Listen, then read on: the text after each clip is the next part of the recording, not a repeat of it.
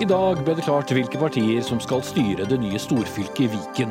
Og de partiene vil splitte hele sulamitten i tre fylker igjen.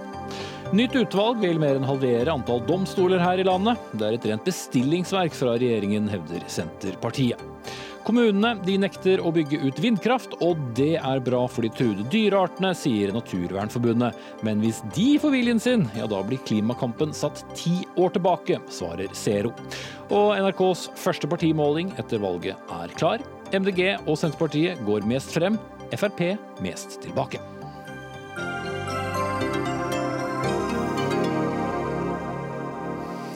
Sier jeg velkommen til eh, tirsdagens Dagsnytt 18. Jeg heter eh, Espen Aas.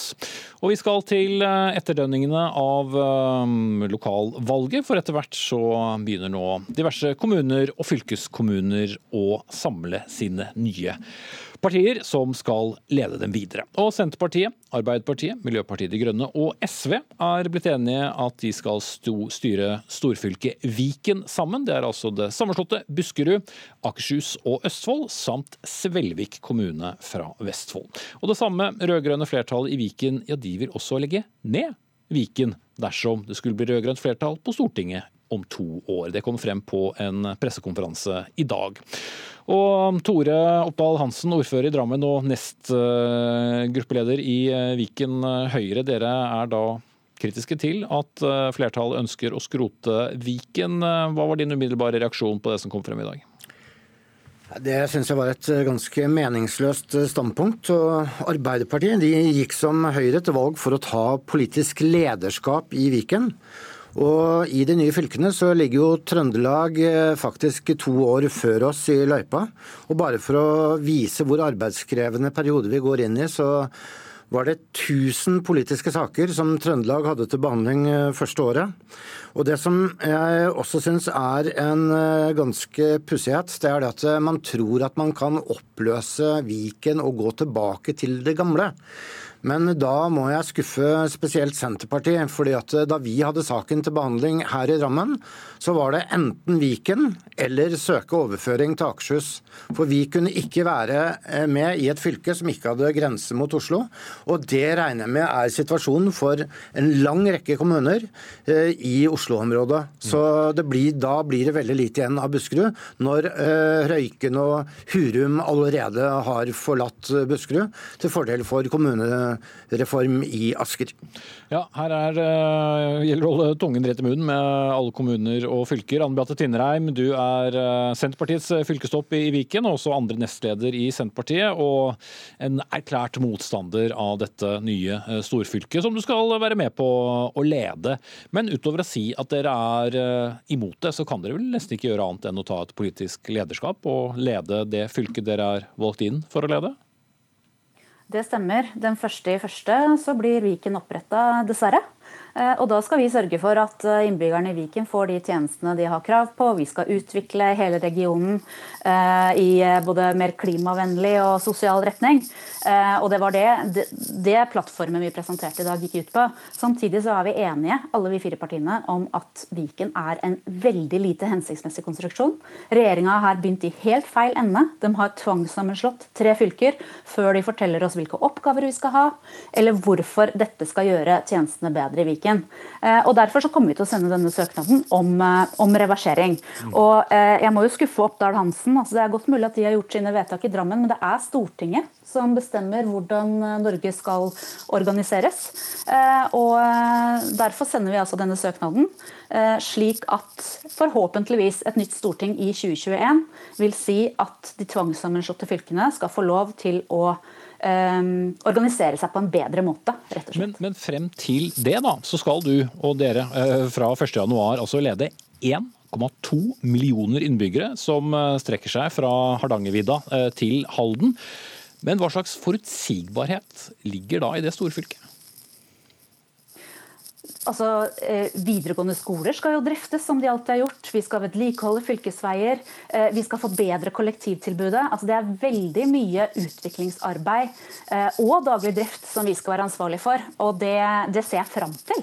Altså, jeg syns det er masse spennende politikk som skal utføres i Viken fylke. Men poenget er at det å sentralisere makta og folkevalgte i denne regionen i én en enhet, det, er, det gir dårligere løsninger, og det gir svakere folkestyre. Mm. Men sånn vi har jo et det blir nok. Vi har jo også noe som heter Stortinget, da, som er satt sammen og som har gitt et flertall for dette. Så hvorfor skal ikke det gjelde? Fordi det var et tvangsvedtak som ble fatta i strid med alle våre tre fylkers oppfatning. Fordi befolkningen ikke ble spurt. Og fordi lokalvalget i høst viste at det var et klart flertall i befolkningen i Viken som ønska å bli styrt av partier som har sagt at de er imot Viken. Så vi hadde et klart mandat vi, til, å, til å gjennomføre eller til å, til å søke om reversering. Ja, Tor Oppdal eh, Hansen i Drammen, eh, uansett hva Høyre skulle mener, så har det vel ikke vært så mange jubelbrus rundt omkring i de tre fylkene for, eh, for storfylket? Nei da, og for å komplisere saken ytterligere, så kan jeg si at Høyre var i utgangspunktet mot regioner. Men vi forholder oss til det Stortinget vedtar. Men jeg syns jo dette her ikke henger på greip i det hele tatt. For, for det første så skal man drive med mye utviklingsarbeid. Så betyr det Det er det som er helt sikkert, er at Akershus, Østfold og Buskerud er veldig forskjellige i dag. Jeg kan bare nevne dette her med TT-ordningen. Der er det tre forskjellige TT-ordninger. Skal man da drive og utvikle og få én TT-ordning og så skal man... så må det, du si det kjapt. Ja, Det er eh, transporttilbud for bevegelseshemmede. Ja. Uh, og skal man da få et enhetlig tilbud, for så å oppløse Viken. Og eh, hva, hva, er da meningen med å drive et utviklingsarbeid når man skal uh, tilbakeføre de tre fylkene? Det lurer jeg på. Vil du svare på det, Tynre? Ja, gjerne. Eh, nei, men Det er jo det som er problemet til Høyre. At de, de, de har en sånn one size fits all-tilnærming. Poenget er at alle, alle, vi fire partier som nå skal styre Viken, er enige om at vi må få bedre kollektivtilbud i Viken. Vi må få mer enhetlige løsninger og samarbeide bedre med, med Oslo. Og Det skal vi gjøre. og det kan Vi gjøre. Vi kan starte det utviklingsarbeidet i Viken, og vi kan videreføre det i en annen organisering etter 2021 eller, eller om fire år.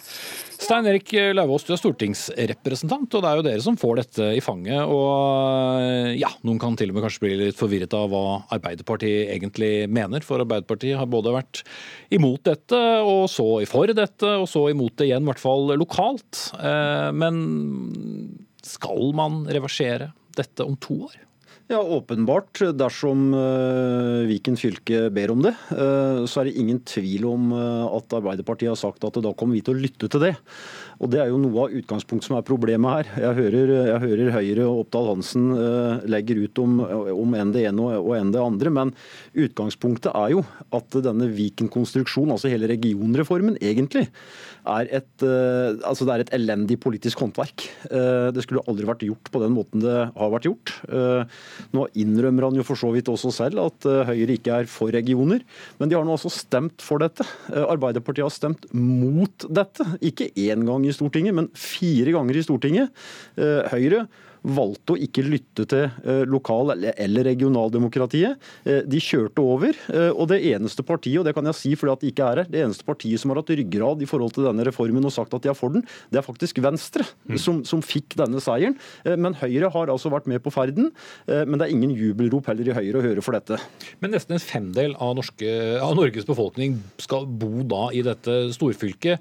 Kanskje i to år, kanskje resten av fremtiden. Du er en av dem selv, for du representerer eh, Østfold. og går ut fra du har ganske mye familie og, og velgere for den sakens skyld. Hva skal de tro? Nei, eh, de skal ikke tro noe annet enn det de har trodd på. Og mange av de har gått og stemt på de partiene eh, som har sagt eh, at de vil reversere og oppløse Viken. Og det, de partiene fikk jo også faktisk flertall. Og dette blir ikke noe stort problem, for det er nøyaktig slik som Tvinnereim sier. Nå skal våre politikere i Viken de skal gi innbyggerne våre gode tilbud på kollektivtrafikk, på tannhelse, på videregående skole. Vi skal drive næringsutvikling. Og det er ingenting i veien for å gjøre en ordentlig god jobb på det, men allikevel se at vi ønsker å organisere Norge på en annen måte enn dette politiske makkverket som Høyre sto bak. Mm. Ja, Tor Oppdal eh, Hansen, du var jo ikke fra deg av begeistring eh, selv. og Hvis eh, verken folk vil ha det, eller flertallet av politikerne lokalt, og, kanskje heller ikke på Stortinget etter 2021, hvorfor tvinge det på? Hvis man først skal ha et regionnivå, så syns jeg Viken faktisk er en fornuftig måte å organisere det på. For det er en organisering av store deler av bo- og arbeidsmarkedet utenfor Oslo. Og det er viktig i forhold til både hvordan veier planlegges og hvordan kollektivtrafikken planlegges. Men jeg syns det er veldig synd at vi nå får en usikkerhet for 1,2 millioner mennesker for de 42 000 elevene som går på de 58 videregående skolene. Men kanskje mest av alt, og da kan du høre med andre eksperter når du uh, lager så stor uforutsigbarhet i en organisasjon med 10 000 ansatte, hva fører det til? Jo, det fører til at uh, vi antageligvis uh, kommer til å miste mange ansatte, og da forsvinner dessverre de som har lettest for oss å skaffe seg annet arbeid, de beste. Så dette her er veldig, veldig negativt i forhold til eh, det arbeidet som vi nå skal starte mm. den 17. med konstituering av eh, Viken. Jeg skal bare stille et kort eh, spørsmål, Tor Oppdal Hansen. Man skal ikke ha god hukommelse for å huske at det har vært mye uenighet rundt noen andre sammenslåinger òg, ikke minst mellom Troms og Finnmark. Hva tror du om signaleffekten av det som eh, nå skjer i Viken? Nei, Her deler man jo ut veto-kort, og det betyr jo at uh, da må jo de samme reglene gjelde for alle. Så uh, ordet polsk riksdag det kommer til å få en helt ny norsk betydning i tiden framover. Det er jeg ganske sikker på. Det er brukt mye ressurser og penger på utredninger om det nye storfylket Tvinnereim. De pengene, var det spilt? Nei, De største eh, kostnadene ved denne sammenslåingen ligger jo fortsatt foran oss. Eh, så, sånn sett så er det veldig bra at vi nå snur i tide. Noen av investeringene som er gjort, de vil komme de, tre, eller, altså, de opprinnelige fylkene til gode. Eh, uansett hvordan organiseringa blir i framtida. Så det er jeg overhodet ikke bekymra for. Eh, og jeg syns det er veldig synd at Høyre nå legger seg på en sånn eh, skremselslinje. Eh, jeg håper jo nå at regjeringa og Høyres statsråd eh, i stedet tar til etterretning at det er dette Vikens befolkning har stemt fram, det er dette Vikens befolkning og politikere ønsker, og er konstruktiv i forhold til å finne gode løsninger eh, i tida framover. Eh, for det er det Vikens befolkning fortjener. Det er direkte fortjener. feil. Hvis du leser Kommunal Rapport, så står listet listetopp Tonje Brenna fram og sier at Arbeiderpartiet går ikke til valg på å oppløse Viken. Så det, da er det nok veldig mange velgere som Tonje føler seg lurt. Brenna er ikke i studio her, og selv om Arbeiderpartiet er her og du sikkert hadde lyst til å, svare på det, Lauvås, så skal du få slippe det. For tiden er nå ute, og det blir altså stortingspolitikerne som sitter da i Oslo, som ikke er en del av Viken, men som noen muntert har kalt for Munnviken, siden den ligger da inneklemt i de tre Viken-fylkene, som vil gjøre noe med det etter stortingsvalget. Takk til Stein Erik Lauvås, stortingsrepresentant fra Østfold for Arbeiderpartiet, Tor Oppdal Hansen, ordfører i Drammen og fra Viken Høyre, og Anne Beate Tinnereim, gruppeleder i Senterpartiet i Viken.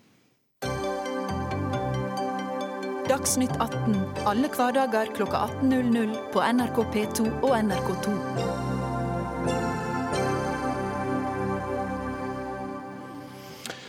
I dag eh, er det 60 tingretter rundt omkring i Norges land, men dersom Domstolskommisjonen får det som den vil, ja, så skal det være 22 igjen, altså under halvparten. Det kom frem i formiddag da kommisjonen overleverte sin første delrapport til justis- og innvandringsministeren. Og nå vil Senterpartiet ta opp denne saken i Stortinget, og hva det eventuelt er uenighet om, skal vi straks komme til. Men eh, Yngve Svendsen, sorenskriver i Oslo, det er du som leder, eh, eller har ledet Domstolkommisjonen, som ble oppnevnt tilbake i 2017 for å utrede organiseringen og hvorfor en så kraftig reduksjon av antall eh, tingretter, som da er den, den laveste av de tre eh, rettsinstansene vi har. Men samtidig det viktigste, for 90% av sakene som cirka avgjøres endelig der. Eh, jo, det vi har eh, lagt stor vekt på, det er at vi må sikre høy kvalitet og god rettssikkerhet i tingrettene fremover. Og da, For å få det, så ble vi nødt til å ha domstoler som har sterke fagmiljø. Så dere vil samle dem litt, som man Ja. hadde sagt om i helseregionene f.eks.? Det, det vil vi. Eh, Fordi at sterke fagmiljø det er en viktig eh, forutsetning for høy kvalitet. Det er også mye sårbarhet i små tingretter. Det er sårbare fagmiljøer, det er sårbare i forhold til sykdom, sårbarhet i forhold til bindinger eh, mellom aktørene. Eh, Så er det også sånn at når det er så små eh, tingretter, så eh, er der eh, i tillegg, vi har eh, dommerfullmektigordningen. Det er unge jurister eh, som har eh, normalt eh, få års erfaring. De blir satt til i en del tilfeller å behandle noen av de viktigste sakene som, som er for mennesker. Altså skal det offentlige overta omsorgen for barn. Eh, når foreldrene er uenige også om hvem som eh, barn skal bo hos. Eh, det er strid med retningslinjer, men det er ikke så lett å unngå det når domstolene blir veldig små. Selv om det er veldig flinke domfullmektige, så er det spesielle utfordringer i de sakene. Men for å ta det praktiske, da. Altså 22 uh, tingretter igjen. Uh, nå er det ikke godt å si hvor mange fylker vi skal ha i fremtiden, men det altså blir i overkant av ett i hvert fylke da, i, i snitt. Og det kan jo bli litt av noen avstander. Det er nettopp det vi også har lagt stor vekt på. At ikke det skal bli for mye avstander. Så at eh, vi foreslår 22 tingretter, altså rettskretser, men vi foreslår 30 rettssteder. Eh, Sånn at eh, Og en der gikk det rundt for folk. eh, Ja, ja. Jo, men det betyr at hvis det er veldig store avstander, så kan en domstol godt ha mer enn ett rettssted. Altså et rettssted hvor det er rettssaler, hvor det er dommere. Ja, hvor det er dommere, hvor det er eh, saksbehandlere. For eksempel, vi foreslår eh, at Innlandet det skal hovedkontor, hovedsete være i Hamar, og skal være rettssted i Gjøvik, og også på Tynset. Inga Beireng, eh, barneombud, eh, og godt kjent også med, med rettssystemet i Norge. Hvorfor er dette en sak som er viktig for dere? Eh, For det første så skal ikke Barneombudet mene noe om hvordan Domstol-Norge skal se ut. Det er Kallemyrs jobb. Min jobb er å påpeke at kompetansen hos dommere når det gjelder barns utvikling og omsorgsbehov, det er, den er altfor varierende rundt om i Norge i dag. Eh, Det er påpekt av et særdomstolsutvalg for kort tid siden, og vi er også parentes bemerket nettopp dømt eh, i Menneskerettighetsdomstolen nettopp pga. saksbehandlingen i en tingrett. Um, Sånn at vi må ha tiltak som sikrer at alle barn som er involvert i enten det er foreldrene som skilles, eller hvor barnevernet er inne og eventuelt skal overta omsorgen, sikre at de får den beste kvalifiserte eh, dommerne som, som er oppdatert på barns, eh, barns utvikling. Og, og der er vi ikke helt i dag. slik at eh, jeg er glad for alle gode innspill. Og, det jeg tror det er viktig å være klar over, er at disse avgjørelsene som, som Svendsen var innom, det er svært inngripende avgjørelser. Det er avgjørelser som får stor betydning for barns videre liv. Og da må vi sikre at de dommerne som skal treffe de avgjørelsene, kan det de skal gjøre på en best mulig måte. Og, og da, sånn at det jeg er opptatt av. og Det jeg håper i den videre debatten, da, det er jo at vi Nå vil jo sikkert politikerne være uenige i tiltakene. Hvordan skal vi sikre at dommerne har den beste mulige kompetansen? Men det jeg håper vi kan være enige om, er jo at kompetansen på de barnefaglige spørsmålene er altfor varierende i dag. Men Kunne man ikke styrket den lokalt, eh, tenker da mange? Jo, det kan man, men eh, noen domstoler vil da være så små at man vil jo ikke ha den fagkompetansen eller de antall ansatte som kan sitte sammen og drøfte. Ikke for få saker nødvendigvis, men, men bare sånn eksempelvis den domstolen jeg kommer fra, som, før jeg ble barneombud, den er jo stor. Men der hadde vi jo egne grupper blant dommerne som satte seg med ganske ofte og vurderte er vi på rett vei. Kan vi nok om barn i dag? Møter vi barn nok på en god måte? Eh, klart at Det er jo helt viktig for det hele tatt å følge med på forskning, følge med på hvordan skal vi håndtere dette best mulig i domstolen. Det tenker jeg kanskje kan bli ganske utfordrende hvis det er en eller to eller tre dømmende, eller i hvert fall tre dømmende hoder da, eh, i, i de mindre domstolene. Eh, ja. Mm. Emilie Enger Mehl, du er stortingsrepresentant for Senterpartiet og medlem av justiskomiteen på, på Stortinget. Du er ikke fullt så begeistret eh, for dette, hvorfor ikke? Jeg mener jo at den eh, rapporten vi har fått i dag, som legger opp til eh, nedleggelse av to tredjedeler av landets tingretter, det er kraftig sentralisering som regjeringa har bestilt. De eh, ba om en utredning om domstolenes framtid i 2017. Det skulle være en helhetlig utredning om oppgaver oppgaver, om eh, digitalisering, om domstolenes uavhengighet. Og så skulle man lage en strukturforslag på bakgrunn av funn. Eh, og så gikk det et år, eh, og i fjor ba regjeringa om en hasteutredning som kun skulle dreie seg om struktur, som de skulle få 1.10, altså i dag, 1.10.2019.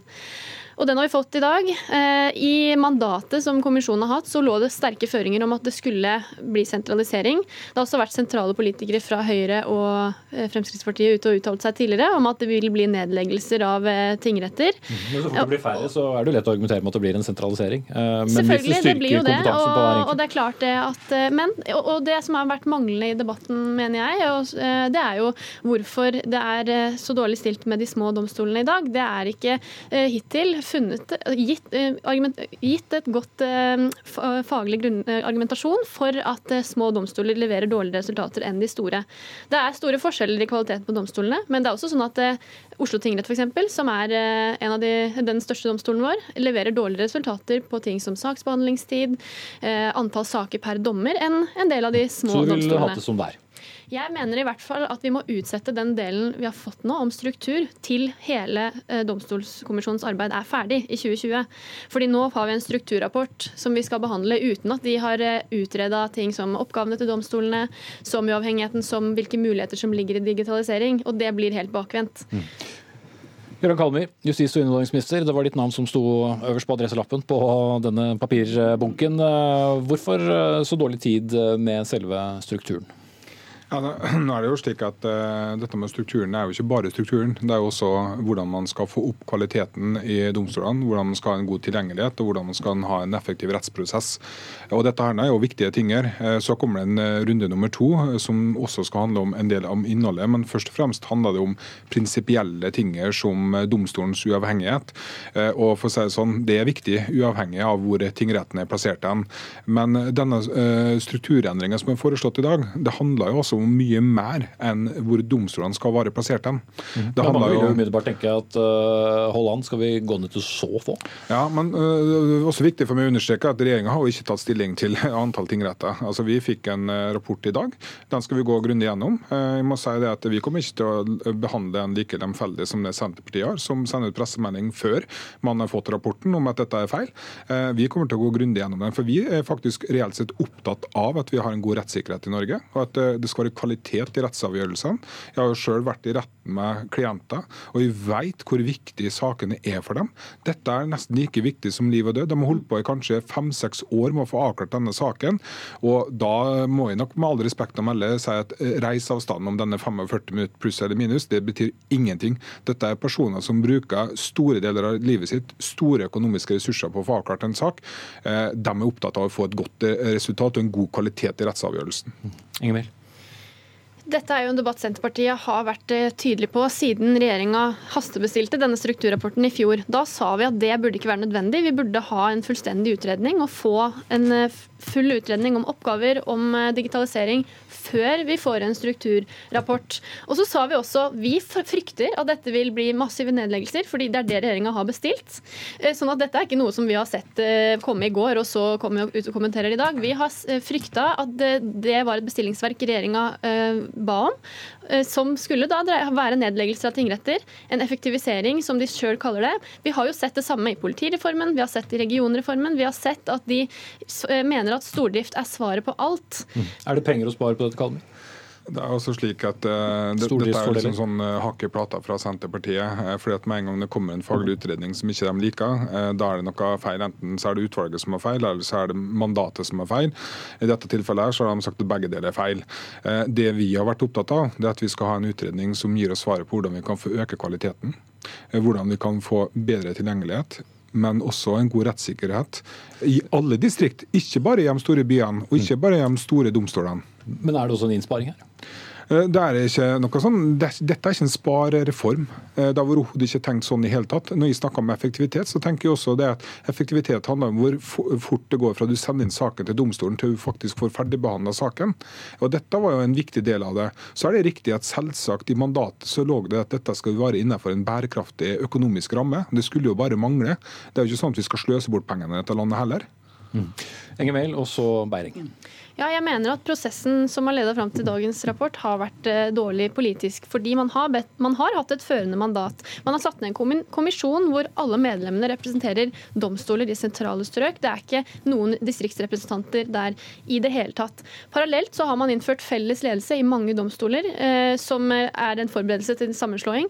Man har også sultefòra domstolene økonomisk. Og da skjønner jeg jo at behovet blir der for å effektivisere, når regjeringa struper det økonomiske handlingsrommet til domstolene, så de må kutte og kutte og kutte så du sier han har forberedt dette ja, før mener, eh, ja, den kom? Det mener jeg. At de har lagt opp til en eh, sentralisering over lang tid. Og så nå fikk han bare rapporten han ja, ville ha? Ja, nå fikk han rapporten han ville ha. Det, det mener jeg virkelig. Ja, han fikk den også får svare kort på før eh, Beiring får komme til. Sånn konspirasjonsteoriaktig fra Senterpartiet. Jeg lurer egentlig på hva Senterpartiet tenker. for at I og med at de nå har tatt et standpunkt før kommisjonen i hele tatt kom med sin rapport, så må de jo ha et klart svar på. Også. Ja, men altså, må, jeg, jeg har ikke tatt standpunkt til den. Jeg har mottatt den, en jag har sagt vi skal bruke tid til å lese gjennom. Vi har ikke sagt et ord om at det kommer til nedleggelse. Eh, men jeg vil gjerne vite hva er det Senterpartiet nå ønsker å gjøre for å heve kvaliteten, for å unngå at vi får tilfeldig behandling av f.eks. så viktige saker som barnefordelingssaker, omsorgsovertakelsessaker, entreprisesaker. I dag sitter tingrettsdommerne. En dag så er det entreprisesak, neste dag så er det barnefordelingssak, og okay. neste dag deretter så er det en asylsak. Dette blir for stort sprik. Engel, du får holde på å svare, for jeg har lovet uh, Bering uh, Ja, jeg skal svare kort. Nei, jeg oh, ja, på Ja, svare, ja, ja. Det var litt tilbake til det Kalmer er inne på. Jeg er ute etter å vite hva for Her er det jo sikkert uenighet om tiltakene. Men, men hva tenker at er, er, Senterpartiet enig i at vi har en utfordring hva gjelder kompetansen hos norske dommere på barnefaglige spørsmål? Og Det er det første. Og det andre er, hvis man er enig i det premisset, hva er tiltakene man da tenker for å bygge de robuste fagmiljøene, hvor man kan sikre at man hele tiden følger med på mm. utviklingen innenfor dette feltet? Som mm. på et vis var det du spurte om også, Kalle. Ja. Ja. Jeg mener jo for det første, når det særdomstolsutvalget kom, og man eh, regjeringa vedtok å flytte barnesaker til noen få store domstoler. Det vil jo fjerne saksgrunnlaget fra mange av de små domstolene, hvor kanskje over halvparten av sakene de har, er barnesaker. Det betyr også at de har god kompetanse på barnesaker, for de jobber mye med det. Da mener jeg at hvis det er for dårlig kompetanse, så kan man gi dommerne der etter- og videreutdanning i det, f.eks. En annen ting er hvis eh, man er bekymra for at dommerfullmekter behandler barnesaker, så kan man erstatte de dommerfullmektingene med dommere. Det er det mange små domstoler som har bedt om, men som de ikke får fordi det ikke er penger til det fra regjeringa sin side. Så her er det mange tiltak man kan gjøre for å styrke de små domstolene. Det er ikke sånn at det, det å sentralisere domstolene er det som løser alle problemer. Når øh, har du lest ferdig og vi kan se en konklusjon, Kalmer? Altså, dette er et veldig eh, viktig område, og det er ekstremt viktig for dem som er parter i en rettssak. Eh, så dette her er ikke noe vi kommer til å liksom, ha en sånn ekspressbehandling på. Fordi at Dette skal være en struktur som skal sitte i mange år fremover. Og For meg så er det aller viktigste at vi greier å ivareta rettssikkerheten, og at det skal være god rettsbehandling av alle innbyggere i Norge, uansett hvor man bor hen. Og så er det slik at vi er også nødt til å ta inn andre hensyn enn kanskje det som også kommisjonen har sett på. Vi skal f.eks. se på bruk brukerne og rettsanvenderne, eh, hensynet til dem. Eh, så vi skal ha en god behandling av dette nå. Men jeg er veldig glad for at vi har fått en grundig utredning nå, som kan danne et godt grunnlag på hvordan domstolstrukturen skal se ut framover. Slik snakker en statsråd. Takk skal dere ha. Uh, Gøran Kalmer, justis- og innvandringsminister fra Fremskrittspartiet. Inga Beiring, barneombud. Emilie Enger Mehl, stortingsrepresentant for Senterpartiet. Og Yngve Svendsen, sorenskriver i Oslo og leder av Domstolkommisjonen.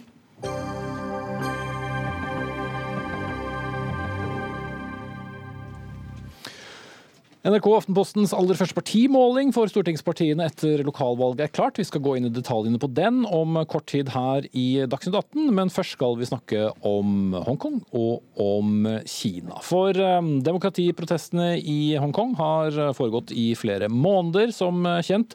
Og under Kinas 70-års jubileumsmarkering i dag har det vært uh, og er uro i gatene, til tross for et demonstrasjonsforbud på nasjonal nasjonaldagen fra myndighetene. Og Guri Melby, vi kjenner deg først og fremst som stortingsrepresentant da eh, for Venstre, men du var i Hongkong i, i forrige uke. Hva opplevde du der? I denne gamle kolonien til, til britene som har vært eh, en del av Kina siden 1997. Mm. Ja, jeg var jo der for å bli bedre kjent med situasjonen og hva det er som ligger bak disse demonstrasjonene. Eh, og jeg var jo så heldig at jeg fikk møte både politikere der, bl.a. Ted Hui fra Venstres søsterparti The Democratic Party. Og jeg møtte også demonstranter. Eh, og eh, Det som ble veldig tydelig for meg da, var jo for det første hvor alvorlig det her utleveringsforslaget, som jo var det som på en måte satte i gang demonstrasjonene, hvor alvorlig det opplevdes som et veldig sterkt angrep på, på rett, rettsstaten. rettsstaten. Eh, som jo egentlig er litt sånn den siste skansen for at Hongkong skal bevare den uavhengigheten som de fortsatt har. da. Mm. Kina. Ja, og ikke minst det herre tillitsbruddet. Eh, at de ikke lenger har tillit til myndighetene eller til politiet. Eh, og at de ikke kunne stole på at politiet beskytta dem. Noe vi har sett eksempler på også i dag, vil jeg si. Der eh, demonstranter som i hvert fall er tilsynelatende fredelige, blir angrepet. Og i dag var det også da en som ble skutt av politiet. Mm. Så det var en veldig sånn anspent situasjon. Og det er veldig vanskelig å se en, en god løsning da, på den situasjonen. Kina er jo som kjent ikke fryktelig glad i at noen skal fortelle dem hvordan de skal eh, drive politikk. For så vidt sikkert i likhet med, med mange land. Men er det noe norske politikere og myndigheter kan gjøre da?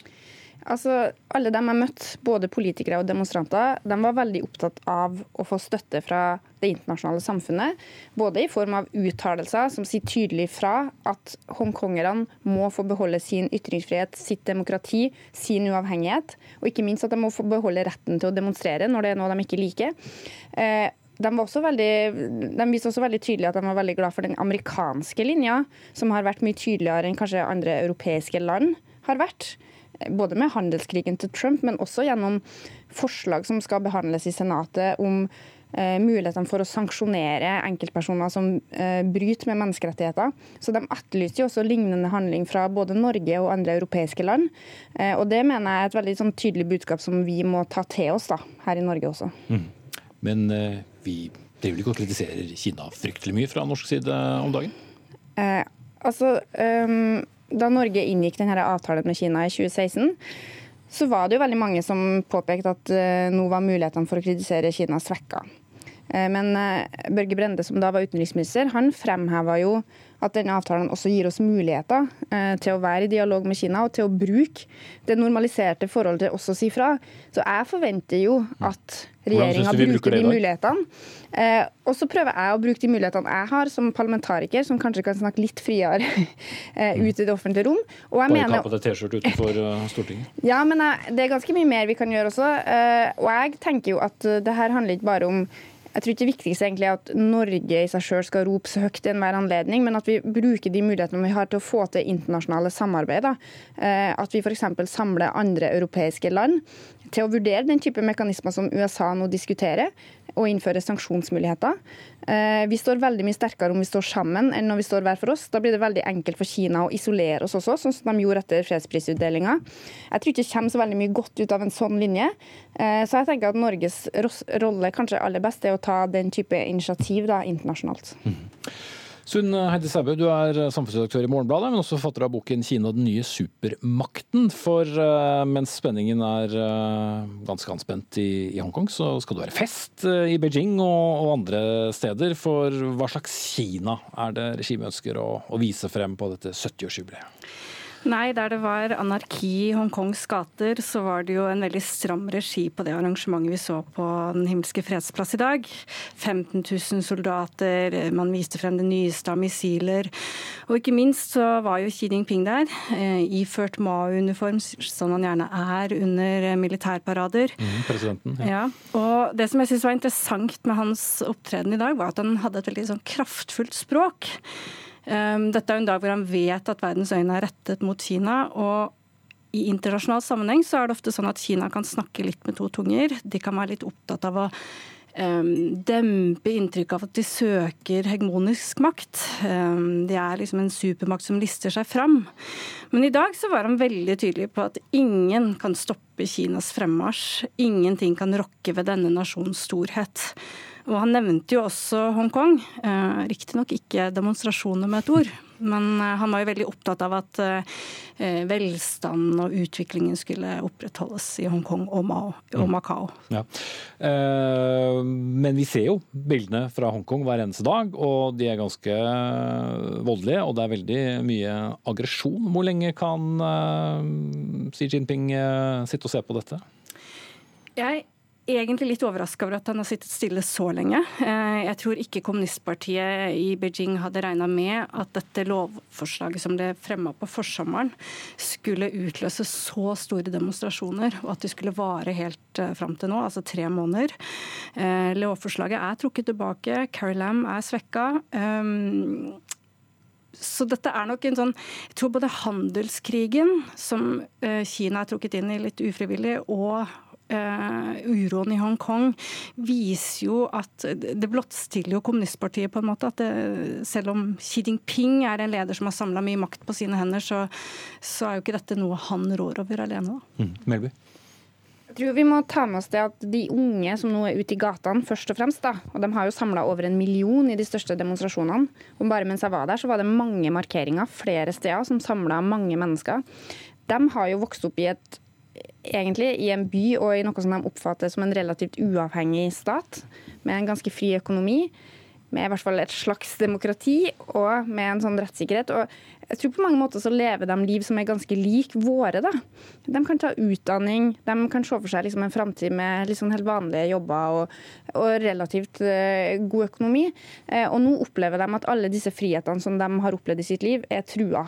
Uh, ytringsfriheten, retten til å samle seg, retten til å protestere. Politikere som stiller til valg, risikerer å ikke få lov til å stille til valg hvis de har ytra seg kritisk mot Beijing på Facebook en gang for fem år siden. Dette er ganske grunnleggende angrep på, på deres grunnleggende grunnleggende menneskerettigheter. Da. Eh, så det er veldig vanskelig å se for seg at det finnes noen sånne enkle grep Beijing kan gjøre for å løse denne situasjonen. Eh, selv om de oppfatta at de var på en måte trua av politiet og at de risikerte arrestasjoner hvis de gikk ut i gatene, så, så opplevde jeg at det var folk i 20-åra som snakka om at de hadde ikke noe annet valg. De mm. hadde et ansvar for å kjempe for seg sjøl og for sine medborgere og sine rettigheter. Men, men når dette har gått så langt som vi nettopp uh, snakket om, blir ikke da problemet for kommunistpartiet også enda større den dagen de eventuelt for alvor uh, slår ned? Jo visst, og det som jeg tror har skjedd i Hongkong, er at demonstrasjonene og motstanden i seg selv har fått en egen dynamikk. Uh, man begynte med demonstrasjonen i juni, og så har jo disse, denne, disse yngre generasjonene, som var små da, da Hongkong ble, ble, en del av Kina, eller uh, britene forlot uh, kolonien, de har fått støtte fra bredere lag av befolkningen. sånn at de jeg har snakka med som har vært på gaten gatene de siste dagene og i dag sier jo at det er ingen tegn til at disse demonstrasjonene dør ut. Um, så det man spekulerer i, er vel om Kina vil sette inn en Hvis de ikke allerede er i gang med det, men altså at man setter inn en opprørsstyrke som, som, vil slå ned på dette, men på en annen måte da, enn det man husker fra 1989. Ja, og Himmelske fredsplass og mm. alt som, som, skjedde der. Men uh, det er likevel et uh et høyt spill å spille? Ja, det er det jo absolutt. Og um, for Xi Jinping så må han jo også ta høyde for at det er et valg uh, som kommer i, på Taiwan. Uh, sånn at hvis han slår, uh, går for hardt til verks i Hongkong, så kan jo det også påvirke utfallet der. Mm. Vi får følge med videre. Takk skal dere ha begge to. Sunn Heidi Saue, samfunnsredaktør i Morgenbladet og forfatter, og Guri Melby, min stortingsrepresentant for Venstre, og nettopp hjemkommet fra Hongkong.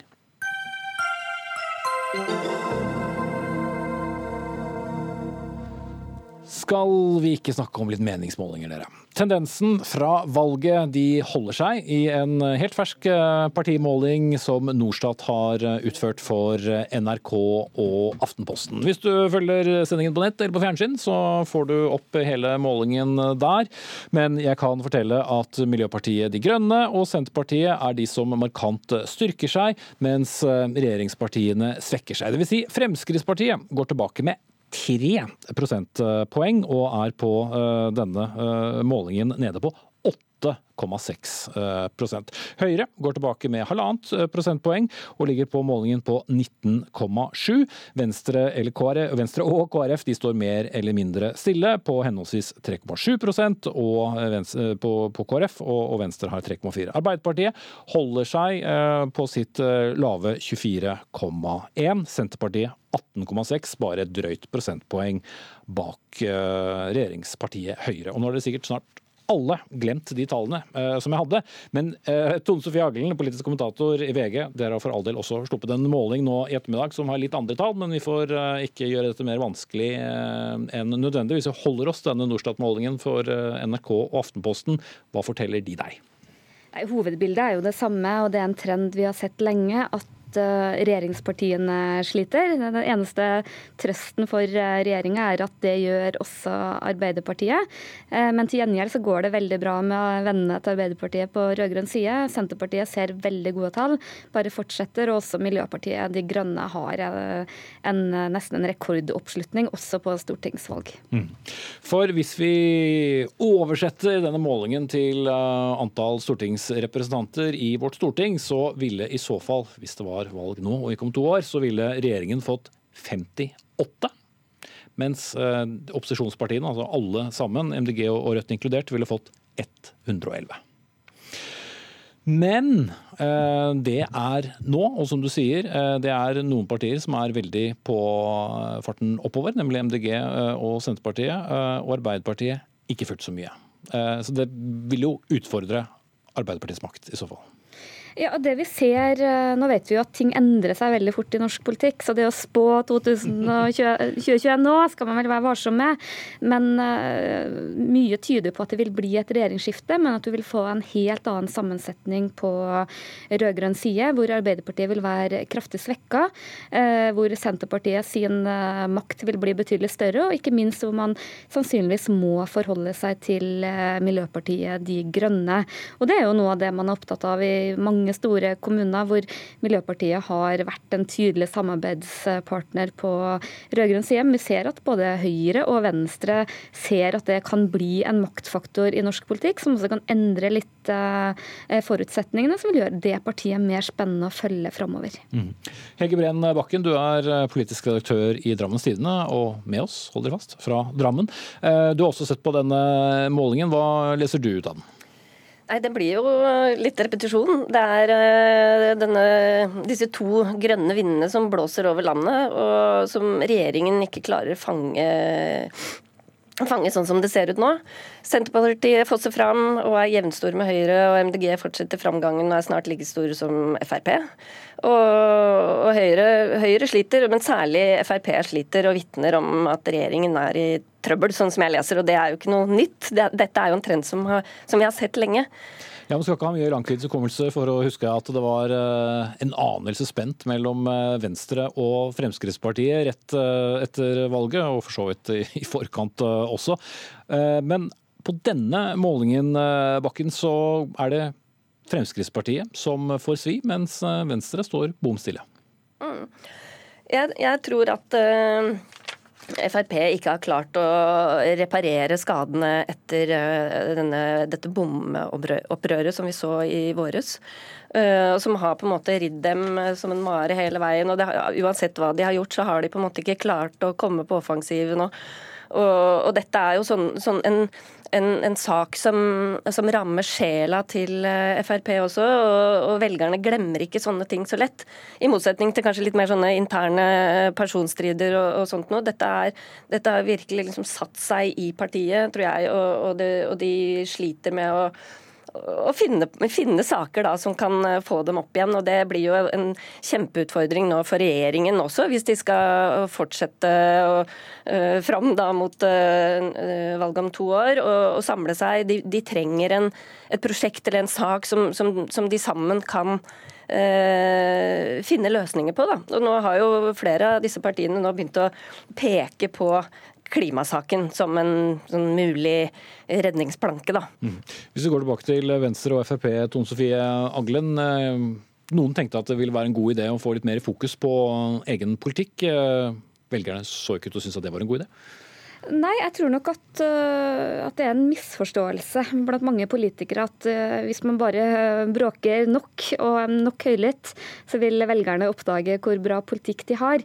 Sannsynligvis fungerer det ikke sånn, så jeg tror nok at bråk og uro er nok noe som heller virker mot sin hensikt. Så tror jeg det er litt forskjell på hvor følsomme velgere er på det. Jeg tror nok at Frp sine velgere tåler nok mer støy enn Høyre sine velgere, men jeg tror nok at dårlige målinger vil nok bare være bensin på bålet for uh, intern uro i regjeringa. Det vil bli mer desperasjon etter å få frem sine primærstandpunkt. De vil gå mer i klinsj med hverandre, som jeg tror nok vil også føre til um, kanskje enda mer uh, dårlige tall for regjeringa framover. Kanskje særlig for Høyre. Mm.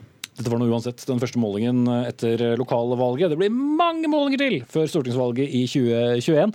Hvis du vil se på tallene, så ser du på nrk.no. Der er de publisert. Eller følg med på Dagsrevyen etter oss. Der blir det mer om målingen, og du får høre mer fra Tone Sofie Aglen og hennes analyse av tallene. Takk skal du ha. Også takk til Hege Breen Bakken, politisk redaktør i Drammens Tidende. Hør Dagsnytt 18 når du vil. Radio NRK Radio.nrk.no.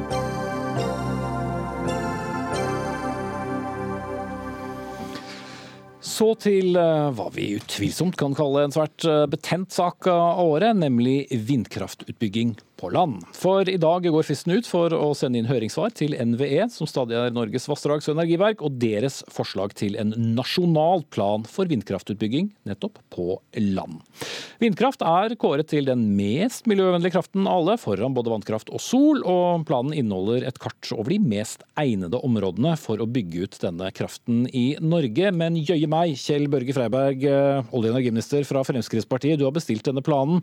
Kan du gi oss en slags start statusrapport. Eh, har du, har du fått inn mange meninger? Du, eh, rett før jeg kom i studio, så sjekka jeg. Vi har vel passert 4000 eh, innspill på planen. 4000 innspill? 4000 innspill, og det gir jo et godt bilde på et stort engasjement. Sterkt. Ja, det, det er det. Det er et sterkt engasjement og mange meninger. Sterke meninger, og det gjenspeiler for så vidt de innspillene vi har fått. Mm.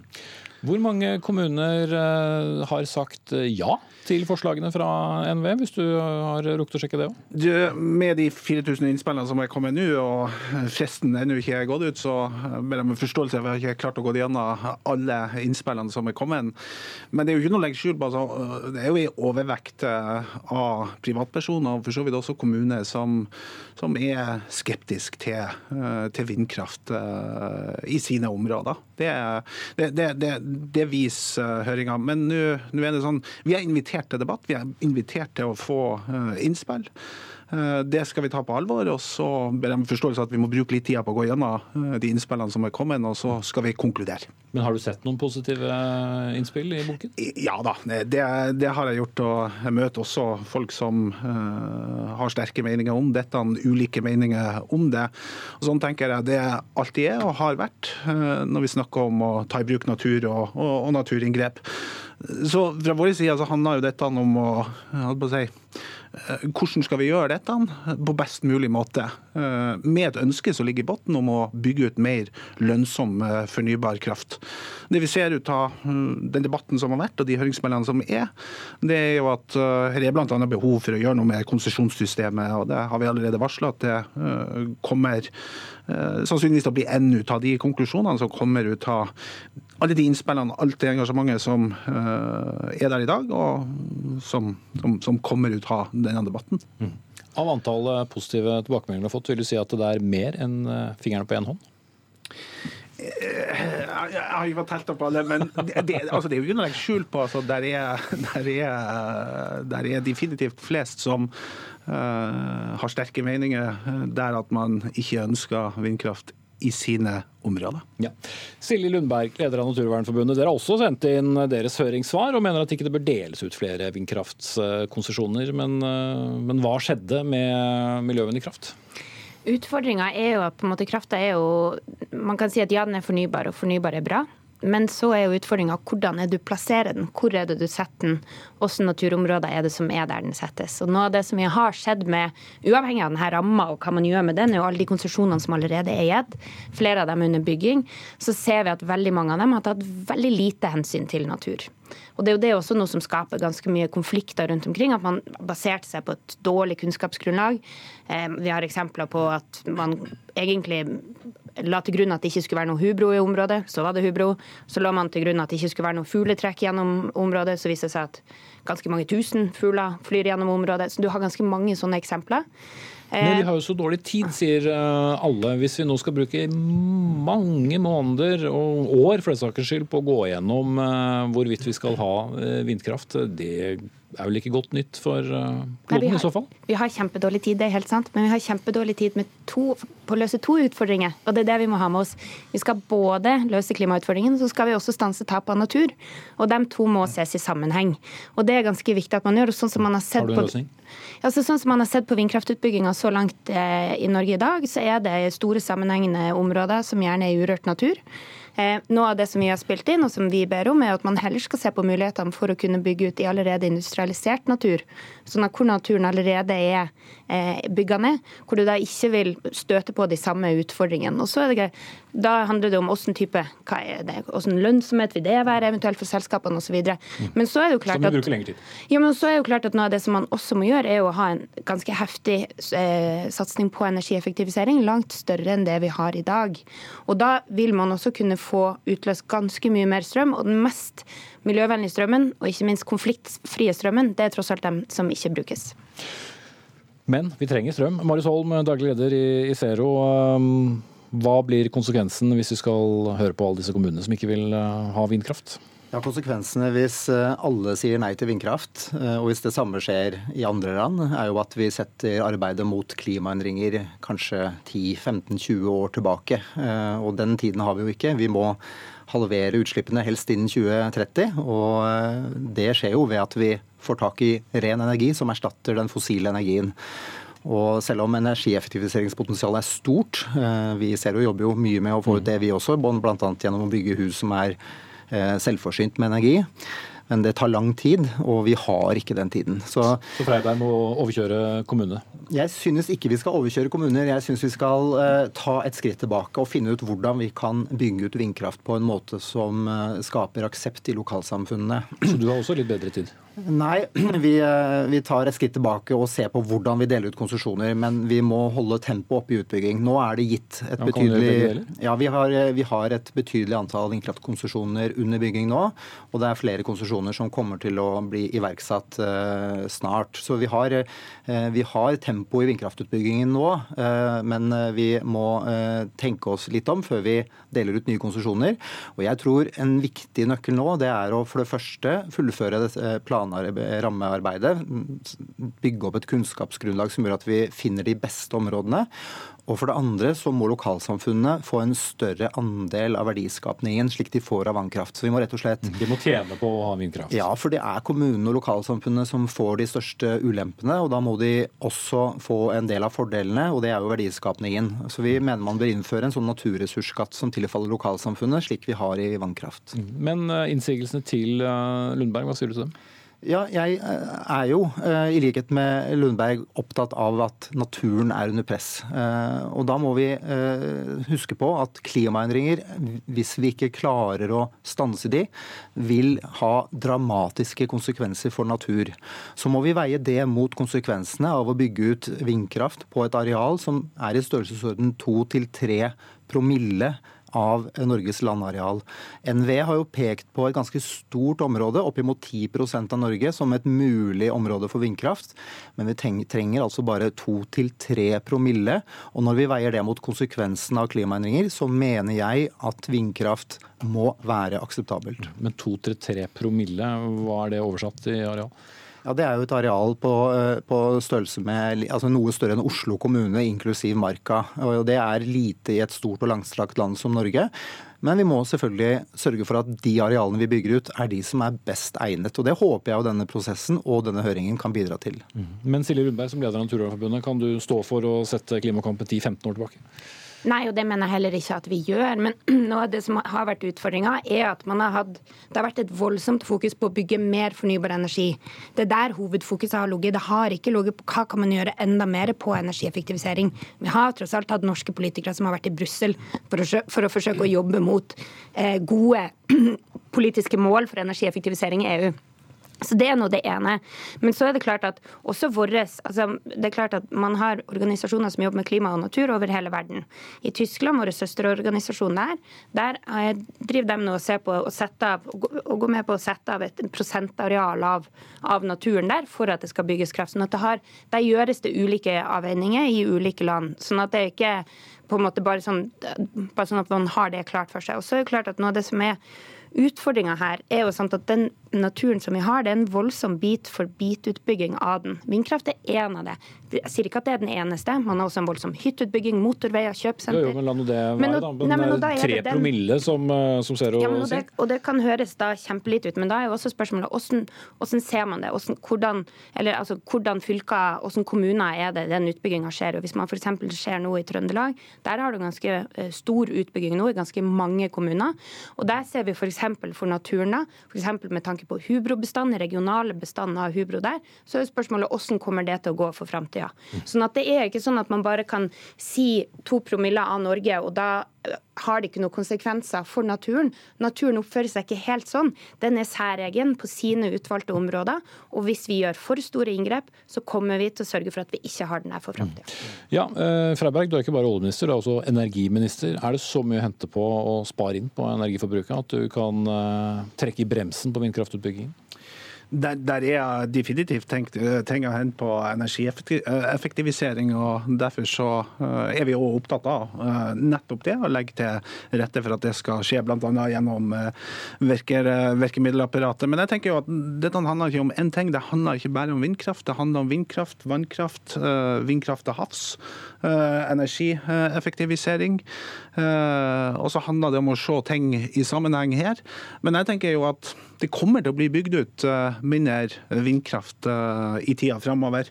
Det har noe med eh, det som realiseres nå av konsesjoner som er gitt over lang, over lang tid. Vi har fasa ut elsertifikatene, eller subsidiene. Ingen får subsidier for å bygge vindkraft i Norge etter 2021. Og det er jo fordi at vi har nådd målet om den fornybare krafta som ble sett i sin tid, som var viktig. Så Det kommer til, det kommer til å bli bygd ut uh, minner, men det kommer til å bli bygd ut vindkraft i framtida i Norge. Det er jeg ganske sikker på. Men hva der- da med alle de sinte kommunene? Og veldig mange, jo, Det det- renner sikkert inn mailer allerede, for det er alltid når vi snakker om vindkraft. Det er det som er poenget mitt. Der vi kommer til å bygge ut vindkraft i, i framtida, det er der at vi kan gjøre det i forhold til å ivareta natur. Det er en absolutt forutsetning. Men så er det òg der det er et lokal, eh, lokal aksept for å gjøre det. Eh, og selv om eh, innspillene som er kommet nå er ganske entydige, så er det ikke, er det ikke 100% eh, sånn at ingen vil ha vindkraft. Jeg registrerer det er flere lokale initiativ. Men jeg tror der vi kommer til å se nye vindparkanlegg, det er jo der at du òg ser altså, et lokalt behov som utløser lokale arbeidsplasser. Eh, så vi kommer til å se vindparkanlegg eh, i framtida, men, men det er først og fremst der at du faktisk har et behov for kraft, og der du genererer eh, for Men har vi ikke et totalt behov? Jo, det har vi. Men der du genererer lokal arbeidskraft. Altså, vi, har, vi har i normalår et godt kraftoverskudd nå. Det får vi bl.a. fordi at vi har fått mer vindkraft inn i det norske systemet. Det er bra. Jeg må sette et punktum der, for nå er vi ved veis ende. Takk skal dere ha, Kjell Børge Freiberg, olje- og energiminister fra Fremskrittspartiet, Marius Holm, daglig leder i miljøorganisasjonen Zero, og Silje Lundberg, leder av Naturvernforbundet. Det var eh, Odd Nytrøen som var ansvarlig for denne sendingen. Hilde Tosterud tok seg av det tekniske eh, gjennom hele denne sendingen. Jeg heter Espen Aas. I morgen er Sigrid Solund tilbake med ny sending.